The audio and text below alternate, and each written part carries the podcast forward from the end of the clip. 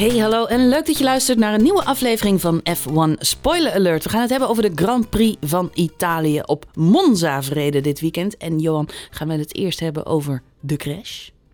Of gaan we het hebben over die fenomenale 1-2 van McLaren? Nou, ik denk dat het sowieso leuk is om te noemen dat we dus nu twee weekenden achter elkaar een oranje feestje hebben gehad. Nou, absoluut inderdaad. We kunnen het trouwens ook nog hebben over Bottas 5.0. Bottas eh, 25.0. Ja. Nieuwe, nieuwe release, vlak voor het weekend uitgekomen. ja, het is de Alpha Edition, hè? Hoop nieuwe features. Het is een, eh, het is, ja, het is, het is een Alpha Pole Edition. positions zaten weer included in Ja. deze release. Deze release had ook een eh, update met humor. Ja. Soort van. Ja, relativeringsvermogen. Ja. Loslaten. Loslaten, ook goeie. Voor zichzelf kiezen. Mooi, mooi. Ja, ja, ja. Nou, genoeg, eh, genoeg eh, om over te hebben. Eh eh Sainz en eh, de hoeveelheid crashes die hij de afgelopen Grand Prix maakt. Misschien Ja. ook nog een onderwerpje voor op de ag- agenda. Zo, zeker weten. Ehm, maar goed, genoeg, eh, genoeg te bespreken. Ehm, wat natuurlijk opvalt in de media is dat het eh, overal over die crash gaat. Ja. Daar moeten we dus wel even bij stilstaan, ja, denk kunnen we, ik. dan, kunnen we dan niet helemaal omheen, hè? Dat Maar ik bespeur wel, hè, jij zei gisteren al, enige ergernis was toch wel eh, bij ons beiden merkzaam over het feit dat het alleen nog maar over Hamilton en Verstappen gaat. Ja. Terwijl wat McLaren gisteren gepresteerd heeft natuurlijk eh, fenomenaal was. Ja, het een vlakt het ander uit en dat is jammer. Ik denk dat het goed is als het... Natuurlijk moet het erover gaan, want het zijn de wereldkampioenschappen. Leiders die crashen met elkaar.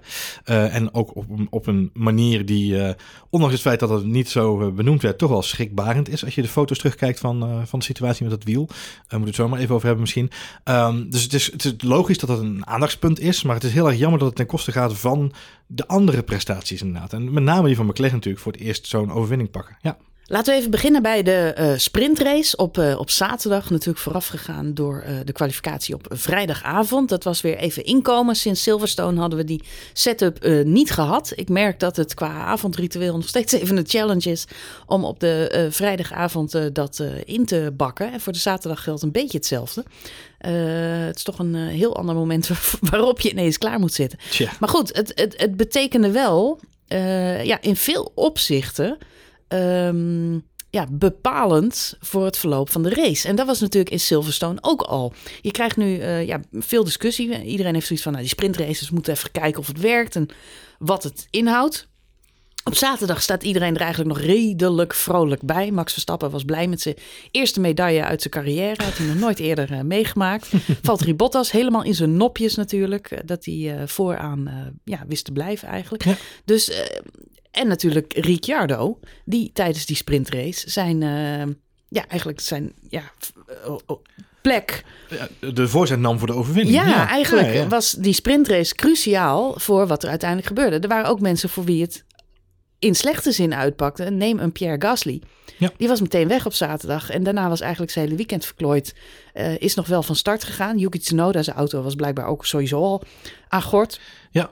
Dus eh Alfa Tauri had echt een, eh een poepweekend, om het Ja, maar zo te en zeggen. Dat na, dat, en dat na die enorme winst van vorig jaar. Maar goed, ja. Ja, maar dat, dat is dan grappig, hè? In je hoofd hou je daar dan al een beetje rekening mee. Als het vorig jaar zo goed is gegaan, dan kan het het jaar daarna eigenlijk alleen maar ontzettend tegenvallen. Dus McLaren kan voor volgend jaar van zijn borst nat maken. Monza blijft niet... eh, Nee, ik moest wel, ik moest wel ook terugwegen. Je denkt terug aan vorig jaar. En een heel snel intermezzo inderdaad. Maar Alfa Tauri had ook de pech dat ze op zaterdagochtend lanceerden ze online een documentaire, een mini-documentaire over vorig jaar. Helemaal met mooie beelden en Oh ja. interviews. En hartstikke mooi en sfeervol. Alleen ja, als je dan 's middags de sprintrace hebt gekeken, dan denk je, ai, die had qua timing ook wel wat beter gekund. En ik moest wel heel erg, ik had to feel with Carlos Sainz dit weekend. Die natuurlijk vorig jaar in een McLaren net naast die overwinning greep met, eh, met Pierre Gasly eh, natuurlijk op kop. ja, Ehm, ja, Had die race daar nog een rondje of anderhalf langer geduurd, had hij misschien Had wel... dat eh, misschien de eerste overwinning, eerste overwinning voor, kunnen zijn voor, McLaren toen nog in acht jaar tijd kunnen zijn. exact. Maar hij Dus, zat er dichtbij. En als, we dan, als je daar toch aan wil reminiscen, dan is ook daar, ik moest daar gisteren nog wel veel aan denken. Het feit dat je amper kunt inhalen op Monza, hebben we vorig jaar natuurlijk ook zien gebeuren. Carlos Sainz die niet voorbij kwam aan, aan Pierre Gasly. Nou, daar hebben we dit hele weekend zo'n beetje naar zitten kijken.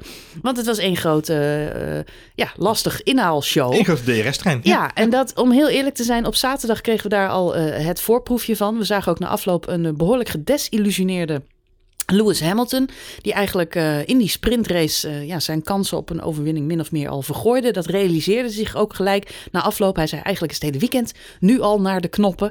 Uh, die mindset zal ongetwijfeld mee hebben gespeeld op het moment dat de crash plaatsvond tijdens de race op, op zondag. Max Verstappen maakte iets vergelijkbaars mee, maar dan op zondag. Die had natuurlijk een hele slechte start, kwam daardoor vast te zitten achter een McLaren. Dat overkwam Lewis Hamilton op de zaterdag vastzitten achter een McLaren. Dat is niet prettig, weten we nu allemaal. Dat is gewoon een, vervelende uitgangspositie. Dus wat Hamilton zaterdag overkwam, dat trof uh, hem weer. Want hij zat weer vast achter Lando Norris. En Max Verstappen, die kwam vast te zitten achter Daniel Ricciardo. En zo was het lot van de twee titelkandidaten een beetje aan elkaar verbonden, uh, vond ik, dit weekend. En ik denk, voor mijn gevoel, dat dat uiteindelijk ook heel erg heeft bijgedragen uh, ja, aan het ontstaan van die crash. Ja. En natuurlijk de wheelguns in de pitstraat. Ja, kun, dat... jij, uh, kun jij dat uh, toelichten? Wat aan de, heb je daar iets over gelezen? Of? Nou ja, uh, dat is natuurlijk de vernieuwde procedure bij, bij de pitstops. volgens mij heeft Olaf Mol het wel vier keer gezegd, dit weekend ook, dat natuurlijk de reglementen bij de pitstops zijn veranderd. Vroeger was het zo, er zit een, een knopje achter op die wheelgun en daarmee geef je aan dat je klaar bent met de activatie. En op dat moment gaat de lollipop omhoog en hè, dan is de, de, code all clear voor de, voor de rest van het team om de, de auto los te laten en te vertrekken. Dat was uh, bij Red Bull waren ze natuurlijk supersnel. En de snelste pitstop staat volgens mij nog steeds op 1,88 seconden. Mm -hmm. Even laten bezinken. 1,8 seconden om mm -hmm. vier banden mm -hmm. te wisselen. Is echt insane. Um, bij Red Bull hadden ze dat echt tot een kunst verheven. Um, maar de, wat er gebeurde in het verleden, dan mochten ze dat knopje al indrukken op het moment dat de wheelgun op het wiel werd gezet. Daardoor hadden ze een kleine voorsprong. Nieuwe reglementen, die vereisen eigenlijk dat we dus langer wachten met het zijn all clear geven. Er moet 0,15 seconden tussen het moment dat de wielnut vastzit en de dingen eraf gaan en het loslaten van de auto zitten. En uh, die knop die mag alleen nog maar ingedrukt worden op het moment dat de handeling is afgerond. En doe je het eerder, en dat geldt een beetje hetzelfde als bij de DRS-knop op het rechtstuk. Mm -hmm. Doe je het eerder, dan doet je het gewoon niet. Mm -hmm. uh, maar in het geval van de wheelgun betekent dat dat je de hele procedure opnieuw moet doen. Dus die jongen oh. rechtsvoor heeft... Moest nog een keer zijn wheelgun exact, erop zetten, op de band zetten. Aandrukken, Zorgen dat hij dus vast zat en dan pas weer op de knop drukken en hem er dan afhalen. Dus dat zorgde voor die enorme lange pitstop, omdat ze in eerste instantie niet door hadden welke wheelgun het was. Dus je zag ze ook kijken, rechtsvoor, rechtsvoor hoorde hij over de boordradio. En toen ging rechtsvoor er weer op, nog een keer drukken, nog een keer die knop indrukken en dan weer los. En toen mocht hij pas weer rijden. Dus wat we eigenlijk nu weten, dat is dat de FIA nieuwe regels in heeft gesteld om pitstops veiliger te maken. De pitstops waren zo snel geworden. Ja. Uh, dat zou tot onveiligheid kunnen leiden. En die nieuwe regel heeft nu tot gevolg gehad dat we een crash tussen Lewis Hamilton en Max Verstappen hebben gezien. Waarbij Lewis Hamilton wonderwel gered is door de Halo. Waar de VIA ook voor verantwoordelijk is. Dus dat is Waar de VIA dan ook wel weer voor verantwoordelijk is. Maar eigenlijk is de crash dus de schuld van de nieuwe pitstopregel. ik denk niet dat we hem zo kunnen verwoorden. Maar het is wel... Ja, het zo is... wordt hij wel op internet door enkele mensen verwoord. Nou ja, het is een, het is een waterval van, uh, van wel pitstop drama. Want ook Lewis Hamilton had geen hele snelle pitstop. Nope. Had een seconde verloren, verloren een seconde in, uh, in, in, de, in de pitstraat. Te veel. Het was een uh, ja, bijna divine intervention. Die ervoor zorgde dat de twee mannen op ditzelfde punt op het circuit elkaar tegenkwamen. Max had uiteindelijk een pitstop die acht seconden langer duurde dan de bedoeling was. Jij zegt zelf al, Lewis Hamilton had een pitstop die stond vier seconden stil. Ja. Wat ook een seconde langer is dan dat hij normaal stil had gestaan. Had Max een normale pitstop gehad, dan, waren ze niet eens bij elkaar in de buurt geweest. Had Lewis Hamilton een seconde eerder vertrokken, was het hele incidentje ook niet gebeurd. Nee, nee ja, zo kun je dat dus bekijken inderdaad, ja. ja. En het nadeel is ook dat ze dus alle twee met een andere energie de baan opkomen. Want bij Mercedes anticipeerden ze natuurlijk op de verschrikkelijke pitstop van ja, Red Bull. want Lewis Hamilton stond op een andere strategie. Als dus... enige op harde bandjes vertrokken, had eigenlijk langer moeten rijden. Ja. Nou ja, kijk naar Bottas inderdaad. Die, die reed natuurlijk ook op de harde band. Die heeft veel langer en doorgereden. ze hebben bij Mercedes zitten rekenen. Zagen Max Verstappen de mist ingaan. Uh, ja. ja. de mist ingaan met uh, Daniel Ricciardo. Want daar uh, valt ook nog het nodige over te zeggen. Ja. In de zin van uh, Ricciardo uh, en Max zaten in principe op dezelfde strategie. Um, Ricciardo reed in schone lucht. Dat maakte een groot verschil. Uh, Max Verstappen zat daar natuurlijk vlak achter. Probeerde eigenlijk, net als Hamilton de dag daarvoor achter Lando Norris... in die DRS te blijven en toch op enig punt voorbij Daniel Ricciardo te komen. Dat bleek gewoon onmogelijk. Wat ze eigenlijk hadden moeten doen bij Red Bull, wat Max zelf had moeten doen, is dat gat groter laten vallen. Uiteindelijk bleek dit killing voor zijn, zijn bandjes. Hij heeft te lang, te dicht achter Ricciardo gereden. Uh, beter had hij zijn banden kunnen sparen. Had hij nog wat over gehad op het moment dat Ricciardo vroeg naar binnen ging maakt echt een vroege undercut, dan valt daar niks meer aan te doen. En het enige wat je dan ja, moet doen, is een ontzettende flying inlap uh, neerzetten. Maar Max had niks meer. Max verloor een seconde op die, op die inlap, omdat zijn banden totaal op waren. Hij kreeg nog over de boordradio te horen, give it, give it all. Waarop hij zei, my, my, my rears are gone. Weet je, ik kan helemaal niks meer. Ik zat naar de segmenttijden te kijken uh, tijdens die ronde. Dat was allemaal shit. Dat was gewoon echt slecht. Het was een hele slechte ronde. Die, die rondes daarvoor gleed hij ook nog, want hij heeft nog een stukje chicane afgesneden op een gegeven moment. Want dat, moest hij. Ja. Precies. Bij McLaren zaten ze natuurlijk ook mee te luisteren. Die zijn ook niet, uh, niet dom. Dus die hebben precies op het juiste moment Daniel Ricciardo naar binnen gehaald. Max had uh, nog uh, kunnen winnen van Ricciardo door zelf die undercut te maken. Bij Red Bull waren ze eigenlijk te laat mee. Dus McLaren heeft wat dat betreft ook strategisch uh, uh, ja, de race gewonnen. Ook als Hamilton en Verstappen niet waren uitgevallen, was het nog maar zeer de vraag geweest of iemand anders dan Ricciardo had kunnen winnen. Mm -hmm. Want uh, ja, waren ze niet gecrashed, had Ricciardo daar nog steeds ruim voor gezeten. Die undercut was gewoon ontzettend geslaagd. geslaagd. Ja. Dus Goede strategie. We hebben, eigenlijk altijd, we hebben eigenlijk altijd vanaf het moment dat Ricciardo dus uh, aan de start Max voorbij ging, hebben we naar een, een eigenlijk naar een McLaren overwinning zitten kijken. Mm -hmm. hè, mits alles goed gaat, natuurlijk ook mechanisch aan de kant van, van de sympathieke Australiër. Um, maar in principe, we, we hebben natuurlijk op zaterdag gezien, jij zei zelf al, uh, Lando Norris en uh, Lewis Hamilton, die elkaar 18 ronden lang uh, in de DRS, dan weer een beetje eruit, dan weer erin. En ook in de race afgelopen zondag zagen we gewoon de Mercedes, wat met voorsprong de meest dominante auto was op dit circuit dit weekend komt niet voorbij de McLaren. Ze waren tot in de puntjes voorbereid. Je hoorde Lennon Norris op, uh, op zondag na de race nog vertellen dat hij had natuurlijk die ervaring in de sprintrace gehad. Ja. Uh, Lewis Hamilton achter zich weten te houden. Vergeet niet dat Lewis Hamilton bij de start nog even voor Lando Norris komt. Dan ook al een akkefietje heeft met, met uh, Verstappen. Ja. Waardoor die uiteindelijk weer achter Lando Norris belandt. En dan, ja, dan voltrekt het hele circus weer van vooraf aan. Ja. Lando Norris zijn de afloop. Ik heb echt uh, goed bestudeerd wat de sterke en de zwakke plekken van uh, Lewis Hamilton zijn. Ja. Om ervoor te blijven. Hij kreeg natuurlijk ook een aantal keer track limits over de boordradio. Omdat uh, zij ook na de sprintrace, ja, die track limits die moest ik pakken. Om mijn banden goed te houden. En voor Lewis Hamilton te blijven. Ja. Maar ze hebben op enkele punten ook echt risico genomen bij McLaren. Um, de undercut was in die zin nog twijfelachtig van Ricciardo op, op Verstappen. Omdat ze dan achter Sainz terecht zouden komen. En dat zou ook weer tijd kosten. Waardoor Max op zijn auto had kunnen lopen, had hij een goede pitstop gehad. Ja. Dus het was best nog even een risico. Maar Ricciardo weet gewoon dan op eigen merit uh, de, uh, de, Ferrari uh, in te halen. En hetzelfde gebeurt bij Lando Norris. Iets later in de race. Die achter Leclerc terechtkomt. Die ook een goede pitstop heeft in die latere fase van de wedstrijd. en dan zien we Lando Norris buitenom over het gras ja. uh, Charles Leclerc inhalen. Dus uh, vergeet niet dat de, de McLaren's, ja, ja, ja, ja, dat de McLaren's niet alleen op strategie gewonnen hebben, maar ook echt hebben moeten racen. Op racecraft, ja, voor, zeker. Hun, uh, voor hun podiumpje. Maar alles leek, het was risico in sommige gevallen, maar alles viel wel de kant van McLaren op dit weekend. En dat is zeker een groot compliment aan het team. Het was echt een team effort. De, absoluut, ze zeker weten inderdaad. En het is goed om te zien ze, hoe dat dan ook gevierd wordt met het team. En dat, is, dat vind ik het mooie van, van McLaren.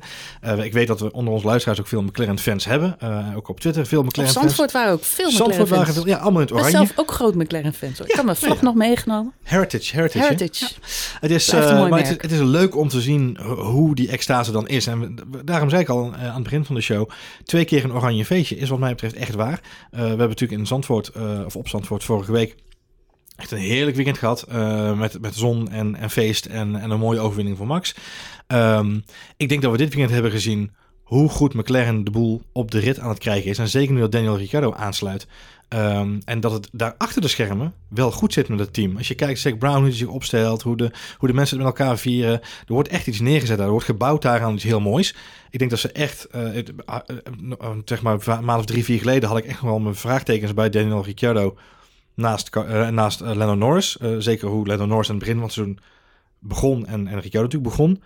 Maar als je hem de afgelopen twee wedstrijden ziet, ook op Zandvoort, Ricciardo. Het is een beetje de, de, de ouderwetse Ricciardo weer. En als je dan de talentvolle Norris ernaast hebt zitten... Ja, dat is gewoon, er wordt iets moois neergezet. En dan kijk ik met heel veel plezier uit naar volgend jaar.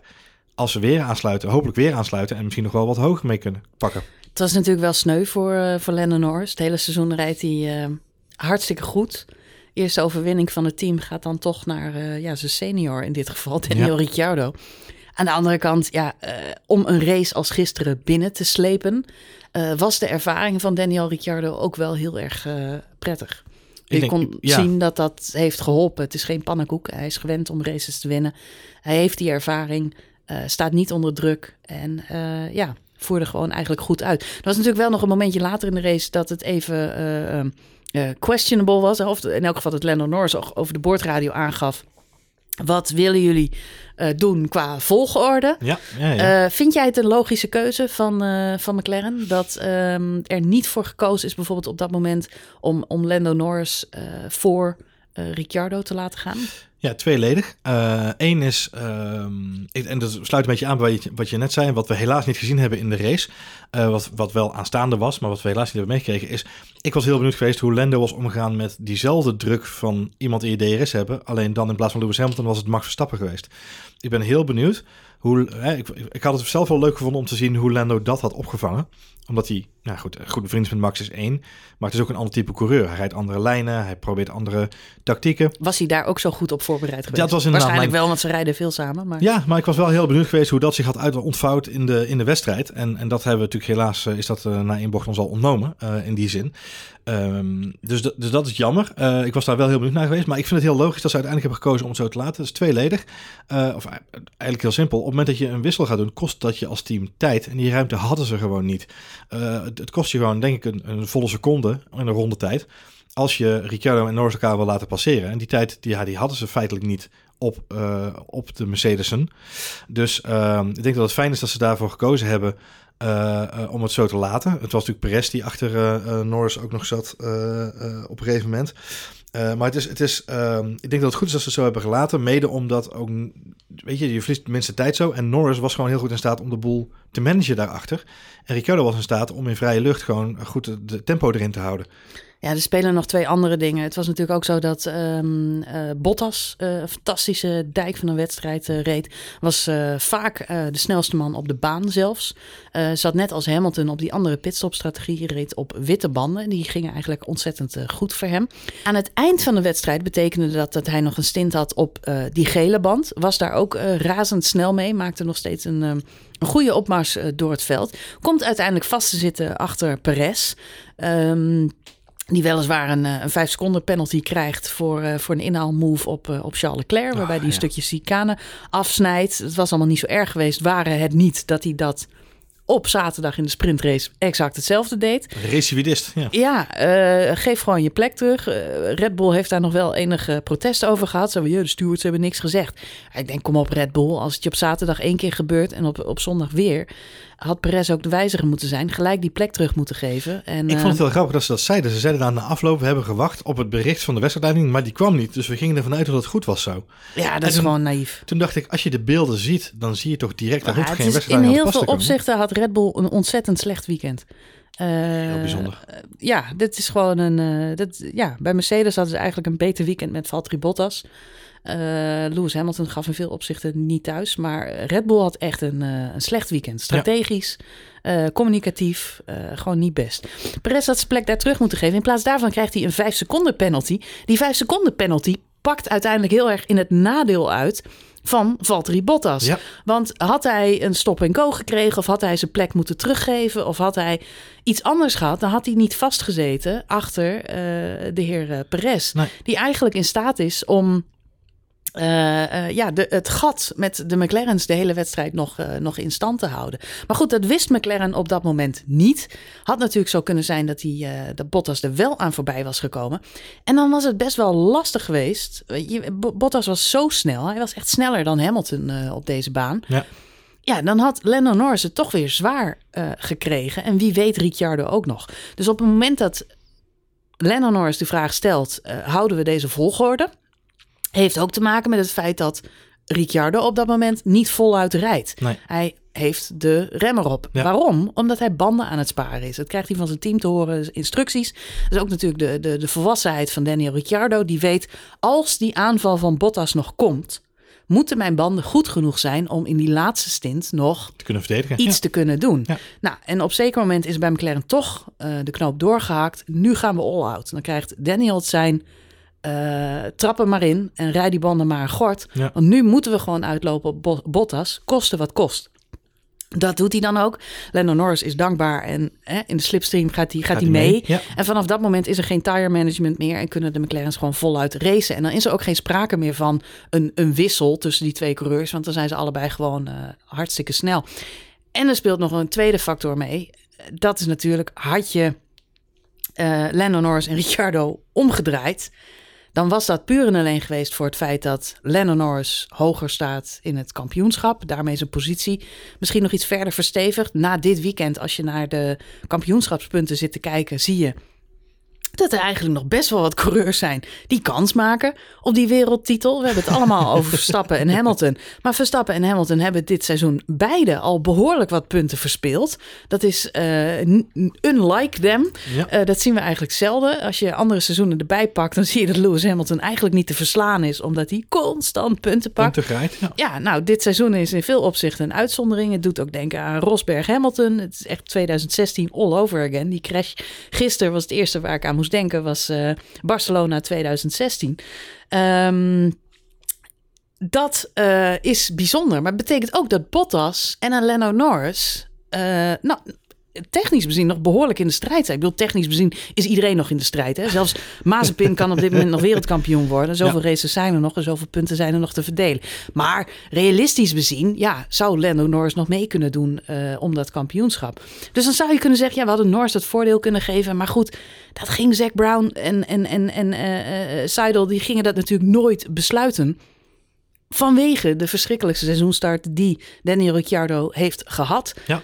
Uh, je gaat niet de man krenken in, uh, in, in, in de wederopstanding. Nee, dat, dat was, natuurlijk, dat was ja. natuurlijk nooit een optie. Want wat ga je dan zeggen tegen Ricciardo? Lever je plek, je eerste overwinning in drie in, jaar tijd? Dat zeggen ze ook weer in de bloei geknakt, zeggen ze dan toch? Ja, ja dat precies. was echt natuurlijk... En dit was het moment dat die bloem weer uitkwam en dat we de oude Ricciardo weer zagen, zagen, had je dat in de kiem gesmoord, ja, dan was je al die investering in die tweede coureur kwijt geweest. Dus dat, Ja. dat, dat gingen ze natuurlijk nooit doen bij McLaren. Plus wat jij al zegt, ja, het was ook wel misschien een risico met tijd verliezen. Het was ook nog een risico geweest met, waren ze dan met elkaar het gevecht nog aangegaan. Ze scoren maximaal dit weekend, want ze hadden nummer 1, nummer 2 en eh, eh, snelste ronde. Ja. Dus in de race, eh, even los van de sprint, maar in de race hebben ze maximaal gescoord. Ricciardo pakt ook nog snelste ronde.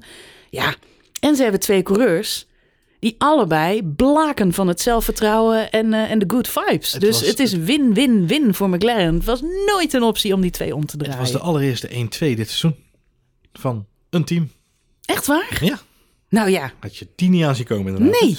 Nee, dus dat zijn de kleine feitjes die, eh, die het mooi maken. En teamwork, hè? Het is vooral teamwork inderdaad, dat wil ik zeggen. Lennon Norris heeft zich wel gerealiseerd. Die had natuurlijk een, een uitgeleider op Spa, waar die eh, behoorlijk dominant leek in eerste instantie. Hè, zeker in de kwalificatie. Ehm, daar hebben we natuurlijk nooit gezien wat dat in de race zou kunnen hebben betekend. Eh, op, eh op Zandvoort was hij natuurlijk ja, wispelturig, om het zo maar te zeggen. En ook afgelopen weekend was het met ups en downs eigenlijk een beetje eh, niet helemaal het weekend van Lando. Eh, als je dan ziet hoe hij zich toch herpakt. eh, en en de, de handschoen zeker op de zaterdag en op de zondag natuurlijk helemaal oppakt.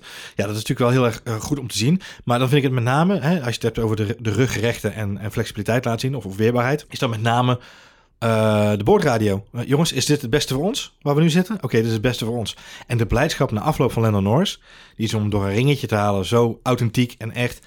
En echt een teamspeler die op dat moment gewoon uit zijn dak gaat van een 1-2'tje. En dat vind ik wel heel knap. Nou, ik denk dat hij ook wel een klein beetje baalt. Jawel, maar dat heeft hij ook gezegd. Hij heeft ook gezegd van, weet je, tuurlijk gaat het door je hoofd heen. Alleen, je realiseert je ook dat dit groter is dan ikzelf. eh, dan hij Ja. zelf in dit geval. Eens? Eh, wat nogal makkelijk is, want Lando is niet zo heel erg groot. Maar ehm, eh, hij realiseert zich ook al vrij snel. Die 1-2 is het belangrijkste dit moment. En hoe dat, dat dan verdelen is om het even. We kunnen echt een major punt maken vandaag. En dus, dus ik denk dat zijn, zijn eerste reactie over de boordradio, die is echt wel authentiek. Is echt wel eh, 100% eh, Lando dolblij. En hij zal heus wel achteraf nog een keer in de camera hebben gekeken, of in de spiegel, en gedacht hebben, ja, hmm, Had ik niet liever daar gestaan. Ja, maar dat geldt voor elke coureur, denk ik. Hè? Ja, dat geldt voor elke coureur. Vergeet niet dat Lennon Norris inderdaad uh, uh, sowieso uh, Lewis Hamilton ronde na ronde achter zich heeft weten te houden. Wat geen kleine prestatie is.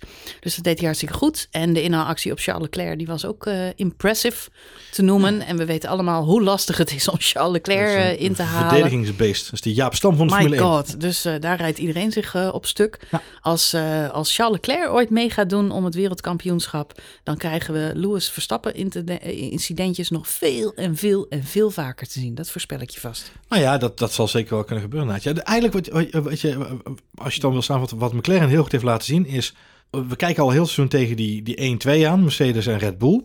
En voor het eerst weekend, je hebt, volgens mij zei jij het ook al uh, eerder. Voor het eerst dit weekend zien we daar McLaren bijkomen. En, en als dan Mercedes, uh, de, de Hamilton en Verstappen wegvallen. Maar we zien hoe verschrikkelijk tof een kampioenschap kan zijn. als daar gewoon meerdere auto's strijden om die, uh, om die top. Het was eigenlijk wel een verademing dat, dat Verstappen en, en Lewis uit de wedstrijd vlogen. Wat ik al zei, het, het, het, voor mij was de flashback naar Barcelona 2016. De campanen Rosberg en Hamilton in de eerste bocht met elkaar. Het eindigt in tranen. Um, daarna kan er gereest worden. En in Barcelona 2016 betekende dat de eerste overwinning van Max Verstappen. Wat natuurlijk een, um, ja, een, eh, eh, eh, een unicum was. Want je gaat er niet vanuit dat de Mercedes uitvallen. Maar als ze dan met elkaar aan de stok krijgen en de camphanen zijn van het toneel, krijg je wel vervolgens een, ja, een race tussen andere mensen die het verdienen om te winnen. En vandaag, of hè, op Monza, vond ik dat dit jaar nog veel meer het geval dan vorig jaar, waar Pierre Gasly uh, natuurlijk won met uh, Sainz op plek 2 en Stroll op uh, plek 3. Wat ja, ook een, ja, ja. een surprise podium was. Maar dat had natuurlijk alles te maken met, met safety cars en rode vlaggen. En, en, en ja, daar ontstaat een hele vreemde freak race. Waar we hier naar zitten, hebben zitten kijken, was gewoon ja, strategisch, tactisch en op snelheid een klinkende overwinning van, uh, van, van McLaren. En ik denk dat ook als uh, Verstappen en Hamilton in de wedstrijd waren gebleven. Uh, ja, McLaren met één of twee man op het podium had gestaan, ja. zo niet de race had gewonnen. Zo goed en sterk waren zij dit weekend. En ja, ik heb er eigenlijk wel van genoten dat we nu een keer een race hebben gezien zonder ja, zonder Verstappen. Zonder camphamer, ja. Neem niet weg dat ik natuurlijk wel teleurgesteld was over die crash. Jawel. Uh, want ja, dit, enerzijds denk je gelijk uh, Prost, Senna, uh, alle flashback, alle hè, legendarisch sportmoment. En we hebben er weer eentje gezien. er is ook een soort opluchting, zo van ze zijn in elk geval allebei uit de race. In Silverstone gaat het natuurlijk, ja, vliegt Verstappen eraf, maar Hamilton kan door. Zit je nog heel erg lang na te balen.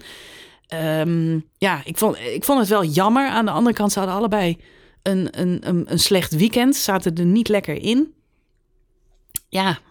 Ja, nee, ik ben, ik ben wel met je eens. Het is, het, is um, het baalmoment volgens mij vrij snel weg. Uh, niet alleen omdat ze er alle twee afgingen, maar ook omdat ik me realiseerde dat we nog steeds een hele toffe race at hand hadden. Met name ook omdat Bottas opkwam stormen. Dus het, het, het, zou ja, de... Bottas die heeft zichzelf opnieuw uitgevonden. Het, die is... het, het, het, het comprimenteerde de kampioenschap, hè, de wereldkampioenschapsstrijd, om het zo maar even te zeggen. Deze week hebben we geen wereldkampioenschapsstrijd gezien. Maar we hebben wel een hele toffe Formule 1 race gezien. En met... vergeet Perez niet, die nee, ook een precies. ontzettend goede nee, inhaalrace reed. Maar dat wilde ik inderdaad zeggen inderdaad. Dus je ziet hoe Perez uh, presteert. Uh, de prestaties van Giovinazzi dit weekend. Uh, ja, die echt pech had bij de start. Uh, Fernando Alonso, wederom, die als een tijger uh, door het veld heen Ik zag een leuk statistiekje voorbij komen van de, de meeste inhaalmoves dit ja, seizoen. De meeste. Sebi Vettel op nummer 1. Fernando ja. Alonso plek 2, als ik het goed heb. Ja. Plek 3. Ja, dat moet Nikita Mazepin zijn. Ja, nee, was niet oh, nee, die is, die is veel ingehaald, dat is iets anders. Ja. Dan ben ik het even kwijt, maar... Uh, volgens mij Lando Norris of zo. Zou kunnen. Of Perez. Nee, Perez, Perez natuurlijk. Perez stond erbij. Ja, ja, want er zijn mensen die gewoon vanaf het achterveld natuurlijk naar voren strijden. Het is een er zijn heel veel uh, ophef over dat, dat statistiekje geweest. Hè? Want ze presenteren dat dan weer als... En we hebben een nieuwe award die we dit jaar gaan uitreiken. Voor, voor de meeste inhaalacties. Voor de meeste inhaalacties. Waarop iedereen zegt, ja, maar ja, weet je, voor sommige maar mensen... het is wel echt een prestatie op een circuit waar niet in te halen valt. Waar we ronde na ronde zitten te kijken naar coureurs die niet voorbij komen. Zijn er twee coureurs, namelijk Perez en Bottas. Ja. Die gewoon een dijk van een inhaalrace rijden. Het was niet voor niks dat Bottas na afloop stond te smurken. Zo van, ik, ik, vooraf heb ik gezegd dat ik op het podium zou komen. En er waren mensen die me uitlachten. Ja. En er waren ook die me geloofden. Ja. Het, is het is toch erg dat er mensen zijn geweest die hem hebben uitgelachen. En dat hij dan, ik, ik denk dat hij, dat, hij, nou, dat hij nog aan het lachen is op dit moment. Eh, op voorhand had ik niet gedacht dat hij in, op een podium zou rijden. Kijk, je weet wel, eh, een Mercedes en een Red Bull, dat zijn in het is principe de dominante auto's. uitzonderlijk knap op Monza. Eh, eh, Eens, ja, wel met een achtname van het feit dat ze een Mercedes of een Red Bull rijden. En bij Perez is het helaas geen gegeven dat die Red Bull ook het maximale presteert. Hè? Want dat, die discussie hebben we al lang en breed gevoerd. Dat het niet altijd even lekker gaat tussen Perez en Red Bull. Die auto is gewoon een, eh, een, een, een unique kind of creation. Maar in het van Bottas, Bottas is redelijk één met de, de auto van Mercedes. Dus het feit dat hij in een Mercedes naar voren weet rijden is niet zo heel spannend. Maar het feit dat hij hem naar het podium weet rijden met een beetje hulp van de uitvallers, nog steeds het feit dat hij top 5 weet te rijden vanaf P20, ja, het is een hele goede prestatie. En eh, eh, ik vond het ook echt tenenkrommend om Coulthard te horen vragen. Hé, hey, Valtteri, goed gereden man. Eh, 17 plekken gewonnen vandaag. Wat vond jij van de crashes tussen Verstappen en Hamilton? dat ik denk, nobody cares. Althans, niet Valtteri Bottas, laat ik het zo zeggen. Maar het leverde wel weer hele leuke memes op. Dat dan weer wel inderdaad. Ja, Dus eh, wel. die Ja. houden we er zeker in. Nee, ja, ik, eh, ik, eh, vorige week natuurlijk het nieuws. De grote, eh, ja, eh, Russian roulette wou ik zeggen. De grote, de grote, de Nee, grote Russian roulette eh, ja. gaan we over twee weken naartoe in Sochi. Nee, de grote silly season tombola is, is natuurlijk begonnen. De verschuivingen die, die gingen natuurlijk allemaal in rap tempo achter elkaar door. Dat begon op maandag. En we weten nu allemaal eindelijk definitief dat... Bottas volgend jaar in een Alfa Romeo zit. Het is nog even de vraag wie er naast hem zit. Ik hoop echt dat dat Giovinazzi is. Want die is een partij goed bezig de afgelopen paar races. Daar ben ik echt van onder de indruk. Mhm, Overigens mhm. Kubica ook. Hè? Weer een goed weekend voor, het- voor iemand die eh, niet regelmatig in de Formule 1 auto zit. Toch ja, meedoet. Ja, zeker. Eh, Zeker niet op grote afstand. Eigenlijk de, de hazen over het algemeen wel achter zich weten te Ook houden. de Williamson wel zo af en toe. Ehm, ja, en, en, en het aan de stok heeft ook deze race weer met Vettel en, en mensen op, rond die positie. Ja. ja, het is toch ook wel een prestatie van, eh, van Kubica. Maar met name Giovinazzi heeft een grote stap gemaakt. Het is jammer dat hij in de openingsronde eh, aangetikt werd Ja, en, eh, en daardoor eh, gelijk... Eh, ja. ja, einde race. Maar goed, Bottas gaat daar natuurlijk heen. Dus ik, ik merk dat er bij hem wel echt een last van zijn schouders is gevallen. En dat hij nu zoiets heeft. Nou, ik ga nog even alles eruit halen wat erin zit. Zolang ik nog in die, in die Mercedes rondrij. En, en trouwens ook George Russell, de man die dan volgend jaar in die Mercedes zit. Die gaat ook hartstikke lekker. Want die pakte nu voor de derde achtereenvolgende keer punten.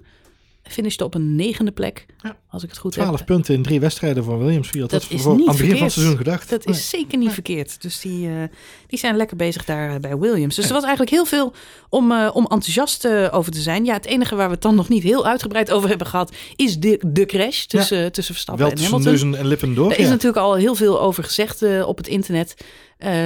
Wie vind jij heeft de schuld?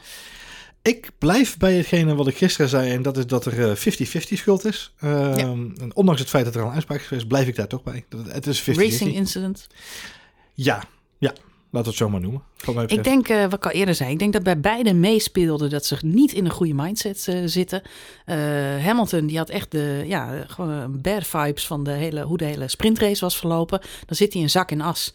En dan, ja, dan doet, doet hij agressiever dan dat hij normaal Nou, al ik denk- kan ik zijn. denk dat, dat, ik denk dat het nog veel belangrijker meetelt is dat hij te horen heeft gekregen. Verstappen heeft gezegd, pitstop gehad. Mhm, Als jij nu binnenkomt voor een setje nieuwe banden. Dan kunnen we En je hebt een goede inlap, eh, outlap, sorry. Dan rijden we nog voor de overwinning. Want dat was wel het verhaal. Mhm. Lewis Hamilton had nog steeds voor de overwinning kunnen gaan. En de vraag was inderdaad, eh, als hij de pitstop goed had uitgevoerd en hij was voor Lando Norris gekomen. Nou, hij verliest een seconde, dus hij komt net achter Lando Norris. Eh, en tussen Verstappen en, en Norris in, zo maar even te zeggen. Dus had hij daar op dat moment voor Lando Norris uit kunnen komen, als die pitstop goed was geweest, dan had hij de jacht kunnen openen op Daniel Ricciardo. Hij zal al zagrijnig zijn geweest dat hij de pitstraat uit kwam rijden. En dat hij En, McLaren en erbij dat hij de. McLaren alweer voorbij Ja, zou en komen. Hij denkt, zijn daar gaan we weer. En in zijn spiegel die Red Bull eraan zag komen. Dus hij zal in behoorlijk- alle opzichten zal die, zal die beïnvloed zijn geweest door de situatie die hij voor zijn neus en langs zij en, zag. en, en langs zij zag komen. Nou. Dus ik denk dat Hij hij, denkt, daar gaan ik we denk, weer. Ik denk niet zozeer dat die mindset van die zaterdag meespeelt op dat moment. Dat dit is een, dit is een split-second decision. En natuurlijk heb je wel een bepaald gevoel. Maar ik denk voornamelijk het hij, feit... wist, hij wist als hij hem niet zou laten staan, was zijn race. En dat is het verhaal. En ik Ja. denk dat, dat daar zit voor mij betreft ook de crux van deze situatie. Is Lewis Hamilton wist... eh, we hebben het in de eerste ronde, bocht 4 hebben we gezien. Max laat hem staan. Duwt hem naar buiten. Ja. En, en dan wijkt Lewis uit. Hè? Zo simpel is het. Mhm. Eh, nu dacht hij, ja, nu, ga ik, nu laat ik hem staan. Eens. En Max Verstappen zat min of meer in hetzelfde eh, parket. Die had natuurlijk net een ontzettend slechte eh, stop gehad. Ja. Die zat al ronde na ronde klem achter Daniel Ricciardo. Ging ook geen kant op. Na die slechte stop viel die terug achter uh, Lando Norris en uh, uh, Lewis, Lewis Hamilton, zoals ja. het er naar uitzag. Dus dat was, nou, dat was kansloos. Ja. Ehm, daar had hij dan achter moeten blijven zitten. Hij had Lewis Hamilton waarschijnlijk nooit in kunnen halen op een later moment. Zelfde reden dat het hem niet lukte om die McLaren's uh, in te halen. Uh, Perez lukt het ook niet. Het, de McLaren's hadden gewoon een voordeel op deze baan. Waren goed afgestemd. Hadden natuurlijk ook die Mercedes motor uh, achterin liggen. Dus in veel opzichten was de McLaren de auto om te verslaan. En als je hem voor je neus kreeg, had je een probleem. Ja. Dat wisten beide heren. Um, maar wat ze in elk geval niet wilden is de een of de ander voorlaten. Dus wat je eigenlijk ziet bij die crash, dat is inderdaad wat, wat Max Verstappen fans terecht zeggen. Dat is dat Lewis Hamilton helemaal knijpt. Hij komt de pitstraat uit. Het eerste ja. wat hij doet, zo gauw die lijn waar je niet overheen mag, zo gauw die lijn voorbij is, is helemaal naar links sturen om duidelijk te maken: ik ben hier ja. en ik ga die bocht als eerste in en ik ga jou hier afsnijden. Dat is een rode lap voor Max Verstappen. Dat moet je niet doen. Want als je, als je hem knijpt, dan gaat, hij, dan gaat hij ook een tandje in de overdrive. Nou, Ja. dat gebeurde. Vervolgens komt die chicane. En die chicane, dan is dan het momentje, ja, wie gaat er eh bekken? Nou, niemand gaat bekken, want Lewis stuurt eh, die bocht zo nauw aan dat hij daarmee Max Verstappen op die bewuste sausage curb drukt. En op die saus- sausage curb, het is een soort, eh, eh, hoe noem je zo'n ding bij het, bij het skaten? Zo'n lanceerplatform, ja. Zo'n ramp. Een ramp. En, en als je daar met je auto bovenop komt, ben je stuurloos. Je kunt geen kant op. Want je, je bodem zit daarop vast. Dat wist Lewis Hamilton ook.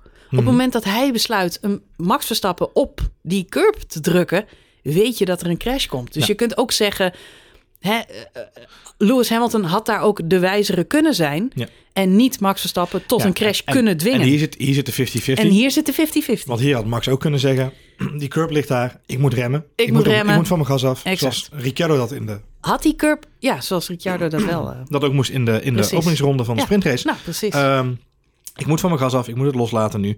Eh, en ik, ik sluit achteraan, in plaats van dat ik samen door die bocht heen wil. Dus daar zit de 50-50 wat mij betreft ook.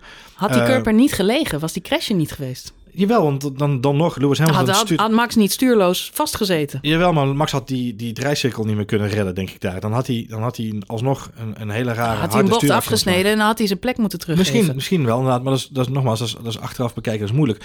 Wat ook belangrijk is, en dat is- maakt het ook verwarrend voor de fans en voor de mensen. Eh, Er is heel veel discussie over Silverstone en dit en eh, de, de tijdstraffen en de verschillen daarin. Wat ook belangrijk is, is het gaat hier om een chicaan. Het gaat niet om een bocht. Hè. Silverstone ging om een bocht. En Mhm. de voorbij zijn, 50-50. Mhm. Het moeilijke is, ik heb een aantal keren nu wat, wat beelden teruggekeken, wat foto's teruggekeken. Ehm, het moeilijke is, bij chicane heb je de binnenkant, buitenkant van de chicaan. En dat, dat, daar zit een snijvlak tussen. Want dat gaat op een gegeven moment van de binnenkant. Als je zit aan de ene kant zit je aan de binnenkant, aan de andere kant aan de buitenkant. Dus dat de, de, het recht in een chicane ligt anders dan bij een bocht. Voor mij moeilijk om te bepalen, eh, in te schatten hoe dan de VIA-reglementen daarop toegepast zouden moeten worden. Wat wel duidelijk is, als het gaat om het, hè, de, de heftigheid van de straf voor Max, is ik zie het heel duidelijk nu als zijnde, VIA heeft gezegd, we zetten een streep in stand. We hier tot hier en niet verder. Hè. Dit- Ze moesten iets doen. ze moesten iets doen. Ze hebben, ze hebben eh, en ik, ik- Je kunt niet zeggen racing incident en we volgende laten hem gaan. Want lekker het, weer. over twee weken is het Want weer. het, eh, het is nu wel zo dat, dat, hè, dat ze een statement willen maken van... guys, ik snap dat jullie vechten voor het wereldkampioenschap... maar zo kan het niet verder. Zo voel ik hem wel. Eh andere kant zeggen journalisten zeggen ja, maar ja, drie seconden of drie, drie plaatsen gridstraf is in feite hetzelfde. Het is geen 10 seconden hele heftige Het is straf, geen hele heftige, zeker Nee, niet op een circuit. Als eh. Rusland, Nee. waar je met, met een tow en een beetje DRS al snel weer eh, in de buurt bent van andere coureurs. Dus, ehm, eh, maar goed, ik denk om heel erg zijn dat Red Bull volgende over, twee weken een, een penalty pakt voor het vervangen van de motor en alle andere zaken die ze nog willen veranderen tot het einde van het seizoen. Je ziet bij Valtteri Bottas dat het allemaal nog behoorlijk mee kan vallen. Kan allemaal meevallen inderdaad, ja. Dus dat, Hij zal dat wel, Max zal wel zijn mojo weer moeten vinden. Monza blijft voor hem een heel ongelukkig circuit. Waarop hij ja, eigenlijk altijd incidentjes Ja, heeft. het, Italië blijft een, een haat-liefde verhouding. Wat ik, eh, wat, ik, nou, eh, wat ik wel fijn vind om te zeggen, of wat gezegd is, dat Toto Mhm. Wolff ook hij zei na de, na de wedstrijd, van eh, eh, de FIA had eigenlijk al een beslissing moeten nemen in op Silverstone. Als je geen actie neemt, als je geen uitspraken doet na aanleiding van Silverstone, wat daar gebeurd is, dan is dit situatie weer komen. Als ze het nu niet doen, wordt het alleen maar erger. Zeiden zowel Toto Wolff als Christian Horner in verschillende bewoordingen. Ik denk dat dat hetgeen is wat nu gezegd is. Ehm, iedereen die boos is over de hoogte van de straf, doe het niet, want het heeft geen zin. Die is uitgesproken, je verandert er niks aan. De stewards hebben het zo gezien en dit is hun analyse. En daar, en daar moeten we het mee doen, om het maar even in de, in taal te zeggen. Ehm, en wat ik al zeg, er komt een gridstraf. Want Max Verstappen gaat gewoon die motor vervangen in, uh, in Rusland. En die gaat met een vers, uh, setje uh, onderdelen, gaat hij gewoon de rest van het seizoen proberen af te maken. Met in het achterhoofd hebbende dat ook Lewis Hamilton dat nog een keer zal moeten. Dus ja, weet je, ja. um, probeer het om te denken. Zoals jij terecht zegt, dat wordt nu wel gezegd door Mercedes, maar hoe echt is die informatie? Want Lewis Hamilton zou dat dan vooral moeten doen omdat er uh, ja, schade aan de motor is ontstaan. Uh, niet zozeer door een crash, maar op een ander moment. Uh, zij zeggen dat ze ook nog die penalty moeten pakken. Ze zeggen dat, een, ja goed, maar ze hebben hem nu bij Bottas ook al gepakt. Dus ik, ja, ja nee, de kans, de, de, de, waarom zou je het zeggen als je het niet hoeft te doen? Nou ja, je kunt dus, proberen uh, een ander in een beslissing te dwingen. Dat is natuurlijk wat dit weekend speelde. Ja. Uh, wat, wat fijn is om, om, wat mij in ieder geval het voorstel is, is dat uh, alle emoties een beetje bekoelen de komende twee weken. We gaan naar Rusland toe. Dat is uh, uh, van origine het circuit waar Valtteri Bottas altijd weet te winnen. Dus uh, gaan ja, ik in heel veel opzichten en er wordt nu daar, daar irriteer ik me dan wel weer aan. Maar dat was naar Silverstone hetzelfde, dus daar moet ik me niet door laten irriteren. Maar dat is dat hè, met name Mercedes de dag daarna natuurlijk heel veel blijft, blijft communiceren. Vandaag gaan ook alle plaatjes weer, weer viral. Dat de Halo natuurlijk Lewis Hamilton zijn leven wel weer heeft gered. Het feit dat Max Verstappen zijn achterband bovenop die die uh, Halo belandt, uh, ja, zorgt ervoor dat hij geen tik op zijn hoofd krijgt. Wat natuurlijk uh, ja. veel ergere consequenties had kunnen hebben. Dus uh, daar moeten we inderdaad ontzettend blij om zijn dat dat, uh, dat dat zo is. En dat beide auto's veilig uit kunnen stappen. Er is dan nog wel veel te doen over uh, het feit dat Max Verstappen in die auto heeft gezet. Die heeft nog een dot gas gegeven terwijl die bovenop op, op Lewis Hamilton stond. Um, jij zei, de, een engineer had gezegd dat kwam... Ja, op het moment dat je de, de, de, als ik het goed heb, als ik hem goed interpreteerde, is op het moment dat je de auto de, de pedalen loslaat, een, dan gaat de laatste restant van de, van de van het koppel gaat er nog af. En dat is het wiel wat dan nog doorspint aan de achterkant. Uh, als ik dat goed heb geïnterpreteerd. Nou goed, dat, dat, kan, dat kan als zodanig verklaard worden. Dat kunnen wij als leken aan de buitenkant uh, niet beoordelen. Maar goed, dan nog is het natuurlijk raar dat je zo schuin ja. uh, omhoog staat. Dat voel je natuurlijk ook wel. En dat je toch nog een dot gas geeft. Daarna stapt hij uit en loopt hij de walk of shame terug naar de, de pitstraat. Ja. Lewis Hamilton is daar dan weer gepikeerd over een dag later. Die zegt, nou Max heeft niet eens even gecheckt hoe het met mij ging. Ja. Dat is toch courtesy dat je dat wel even doet. Ik vind dat Lewis Hamilton daar, Silverstone, daar helemaal niks meer over mag zeggen. Daar moet hij gewoon zo grote mond over houden. Terwijl die feest stond te vieren en Max Verstappen in het ziekenhuis lag, notabene. Dus uh, die laat ik uh, even lekker gaan. Nou, los daarvan wat maar... belangrijk is. Hij staat, uh, dus de foto's zijn er gewoon achteraan gekomen. Max loopt de auto uit, kijkt bij Lewis. En op dat moment staat Lewis de auto eens achteruit te zetten, want hij wil wegrijden daar. Exact dat. Uh, dus, laten we het daar even over ja, hebben. Dus het Max feit dat Lewis Hamilton daar in die grindbak nog lekker een dot gas geeft. Om te kijken of je misschien nog verder komt. Heeft hij trouwens in interviews na afloop ook, ook toegegeven ja. dat hij uh, ja, aan het kijken was of hij misschien nog had kunnen rijden. Maar zijn auto was dus zeer, zeer beschadigd. Dat was maar, ook op het moment dat Max Verstappen nog in de auto zat overigens. Exact. Dus beide coureurs uh, evenveel schuld. Laten we alsjeblieft niet zwarte pieten naar elkaar. Nee, dat vind, dat vind ik dan heel vervelend aan Hamilton en Mercedes. Dat zij dat wel doen. En dan vandaag ook weer in het nieuws. Ja, Red Bull weten dat ze fout zaten door de tone of voice en de antwoorden die ze hebben gegeven in de persconferentie en, de, en, alle interviews na afloop. Horner en uh, Max zelf en uh, nou, iedereen bij Red Bull die er iets over gezegd heeft allemaal een soort schuldbekentenis door te zeggen dat het een 50-50 racing incident was. Dan denk ik, jongens, houd dan toch op, man. Ja, het is toch ook gewoon een racing incident? Los het... fair. Daarmee pakken ze geen schuld. Nee, maar los, los van het feit of ze gelijk hebben, ja of nee. Want iedereen weet, hè, de, de tone of voice van Helmut Marko en Christian Horner, die, die, hebben dat niet in zich. Die kunnen dat niet. Dus die kunnen niet, dat, als zodra ze kunnen, dan, dan gaan ze de discussie aan met mensen. Dat is ook goed, want daarmee staan ze voor hun team. Zij staan voor Red Bull en daarmee, als mensen kunnen, zullen zij alle middelen inzetten om dat te verstevigen. Dus het feit dat, dat ze daar misschien wel een punt in hebben, dat doet er niet toe. Want hetgene wat ze feitelijk doen, is deescaleren. En als Mercedes verstandig was geweest, dan hadden ze het daar ook bij gelaten. En wat Toto Wolff gisteren heel goed zei is, er komt een beslissing van de stewards. Daar zijn we het mee eens en daarmee is het basta. Hetzelfde zei Christian Horner feitelijk. Ja. Dan moet je het daar ook bij laten. En dan had het maandagochtend ja, dan moet je niet de dag erna. Nee, precies. Dus dan moeten we gewoon door. Op ja. naar Rusland. Uh, ja, liever niet. Eigenlijk gewoon liever overgeslagen. Maar ja. weet je, ja. We moeten eraan geloven, Rusland. Ik ben heel benieuwd. Het was, um, ja, nou, enerzijds natuurlijk wel weer uh, uh, legendarisch. Ik heb in elk geval erg genoten van, van deze race. Het was een bizar, ja, eentje ah, die de boeken ook, ingaat. Man, alle McLaren-fans ook. De explosie van vreugde op het circuit. Het feestje naar, achter, naar achteraf inderdaad. En weer minimaal weliswaar, maar wel weer publiek erbij. Was het ja. fijn om te zien na vorig jaar al die lege tribunes. Blijft Ja. natuurlijk jammer dat de tifosi niet eh, in grote getalen kunnen, eh, Kunnen ja, komen, om onder dat ja. podium kunnen staan. Want dat leveren natuurlijk de mooiste plaatjes op. Was zeker ook met eh, Ricciardo en zijn eh, Italiaanse roots in Ja, een ver grijs verleden. Mooi geweest. Was ook leuk trouwens dat hij in het Italiaans nog even de fans daar toesprak. Werd Zeker. ook gewaardeerd. De Ferraris trouwens. Enerzijds wederom een sterk weekend. Dus de Italianen hebben zeker iets om voor te juichen. Aan de andere kant, de hoeveelheid crashes die Leclerc en Sainz op dit moment maken, die zijn aanzienlijk. Ja, het is nu een beetje elke race Je, begint je, nu, eh, je Ja. begint je nu wel af te vragen of dat niet toch ook aan de auto ligt. Of het feit dat ze elkaar zo hard aan het pushen zijn. Want ik vind wel dat beide coureurs echt behoorlijk aan elkaar gewaagd zijn. Ja, er met zit, name Sainz zit maakt, weinig tussen. met name Sainz maakt wel brokken waarvan ik denk, die zijn niet nodig. Bij Leclerc, Ja, kun je Leclerc ze- ook, Bij, ja. ja. maar bij Leclerc kun je ze wel terug gaan leiden naar wat hij aan het doen is. Maar Vaak ook in een snelle ronde. eh, op een plek waarvan je denkt, ja, daar zit hij op de limiet en dan gaat hij er overheen. Ehm, ik weet niet hoe de balans nu precies is. Ik heb de rekensom niet voor me. Maar volgens mij is, het, eh, is de score wel ook in een nadeel van, eh, van Carlos Sainz. In de zin van, die heeft al meer brokken gemaakt, om het zo maar even te zeggen.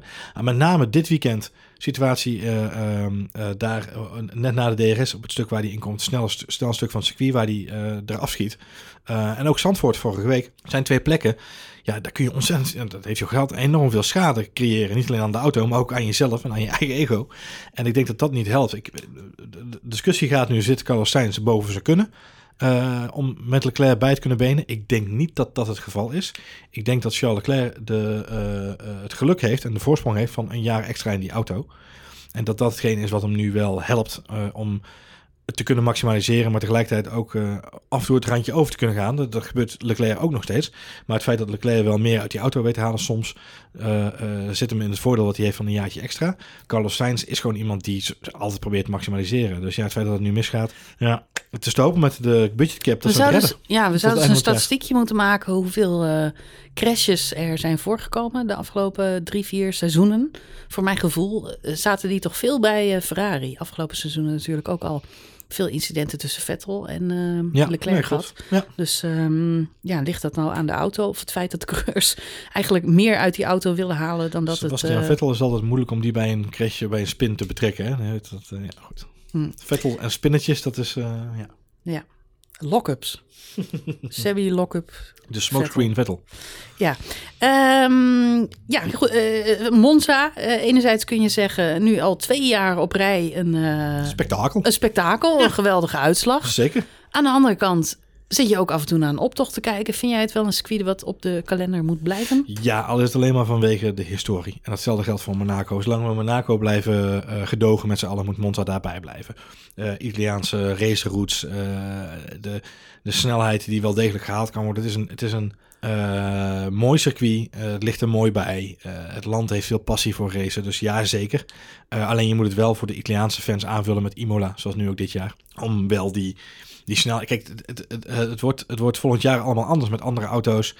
Dus als volgend jaar de boel, de auto's smaller worden, je kunt makkelijker inhalen, dan is Monza ook ineens weer een bloedsnel circuit met enorme rechte stukken en dan ineens hele snelle chicanen.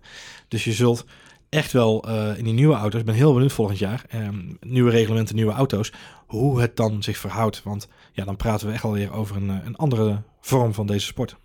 Ik hoop wel dat ze dan eh, de tv-regie nog een beetje misschien optimaliseren. Daar was dit weekend alweer het nodige op aan te merken. Met name tijdens de sprintrace heb ik me een beetje zitten ergeren aan het feit dat we eigenlijk ronde na ronde na ronde na ronde naar de kopgroep eh, zitten te kijken. Waar natuurlijk geen, geen, Geen zak gebeurt.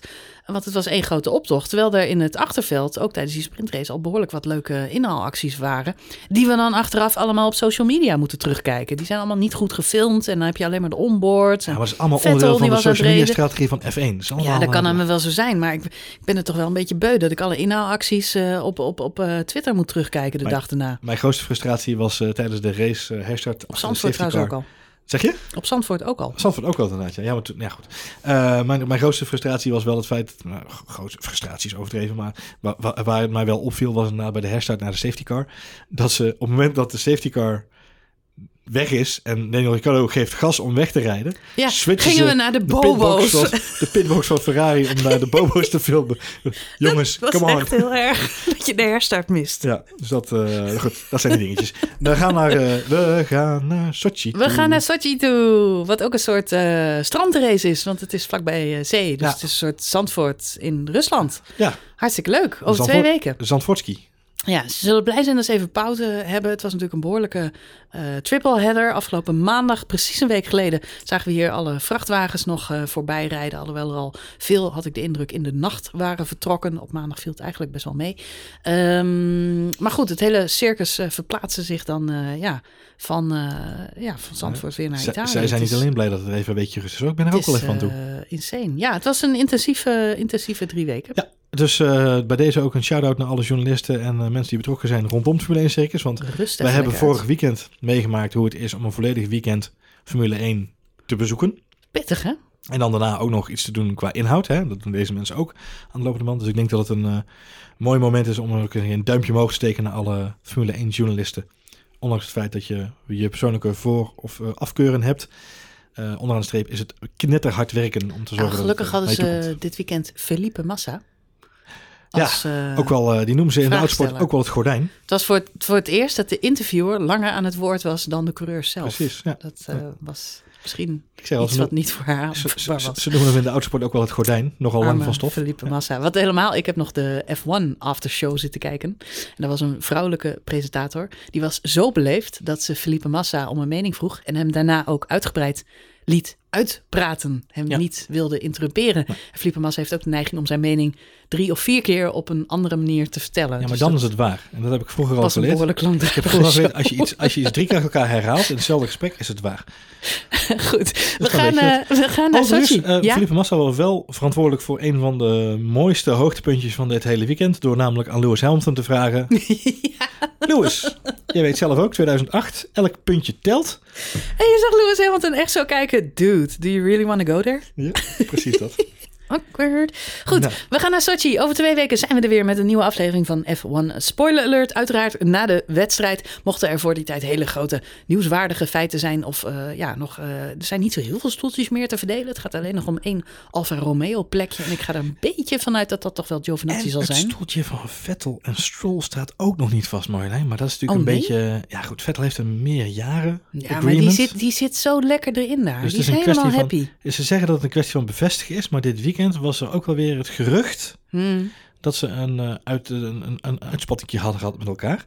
En eh Lance Stroll, ja, dat is natuurlijk, eh, staat natuurlijk niet in het cement geschreven, maar is natuurlijk ook wel redelijk bekend. Maar Aston Martin is ook nog niet eh, confirmed, dus nog niet bevestigd. Dus Hmm. zou je heel erg eh, mysterieus willen praten en er iets van willen maken, zou je daar nog iets mee kunnen bedenken. Maar we weten natuurlijk allemaal dat. erg lachen om een filmpje eh, waarin eh, Vettel en Stroll een Lego-auto moeten afmaken. Een Oh jee, DB Aston, Mar- Aston Martin. debiet. hè?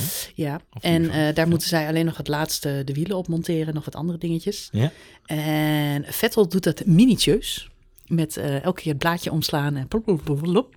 Stroll die heeft op een gegeven moment wel gezien. Die gooit alle onderdeeltjes in die auto en die zegt klaar. Ik ben er klaar mee. Hm. Dus eh, Geeft ongeveer Ja. aan wat zijn aandagspannen is. ik wou net zeggen, dat was het mooi. Oké, Brad. Het leukste Ja. vond ik dat er zit een schietstoel, want het is die James Bond auto. Er zit Ja, een schietstoel in die auto. Dus eh, Vettel die zegt na afloop heel trots, mijn schietstoel werkt echt. Die drukt dan op het knopje en dan komt het ding eruit. op Stroll natuurlijk, dat ding werkt voor geen beter bij hem. Nee. Maar goed, En nu klaagt, hij ook, want nu klaagt hij ook dat eh, zijn auto anders gebouwd was dan die van eh, Vettel. ja, Ja. ja. ja, Hij, finished, hij finished wel voor Vettel dit weekend. Dus eh, Ja. doet hij Dat goed. dan weer wel. Goed, eh Sochi, over Sochi. twee weken zijn we er weer. Dank voor het luisteren en heel graag tot dan.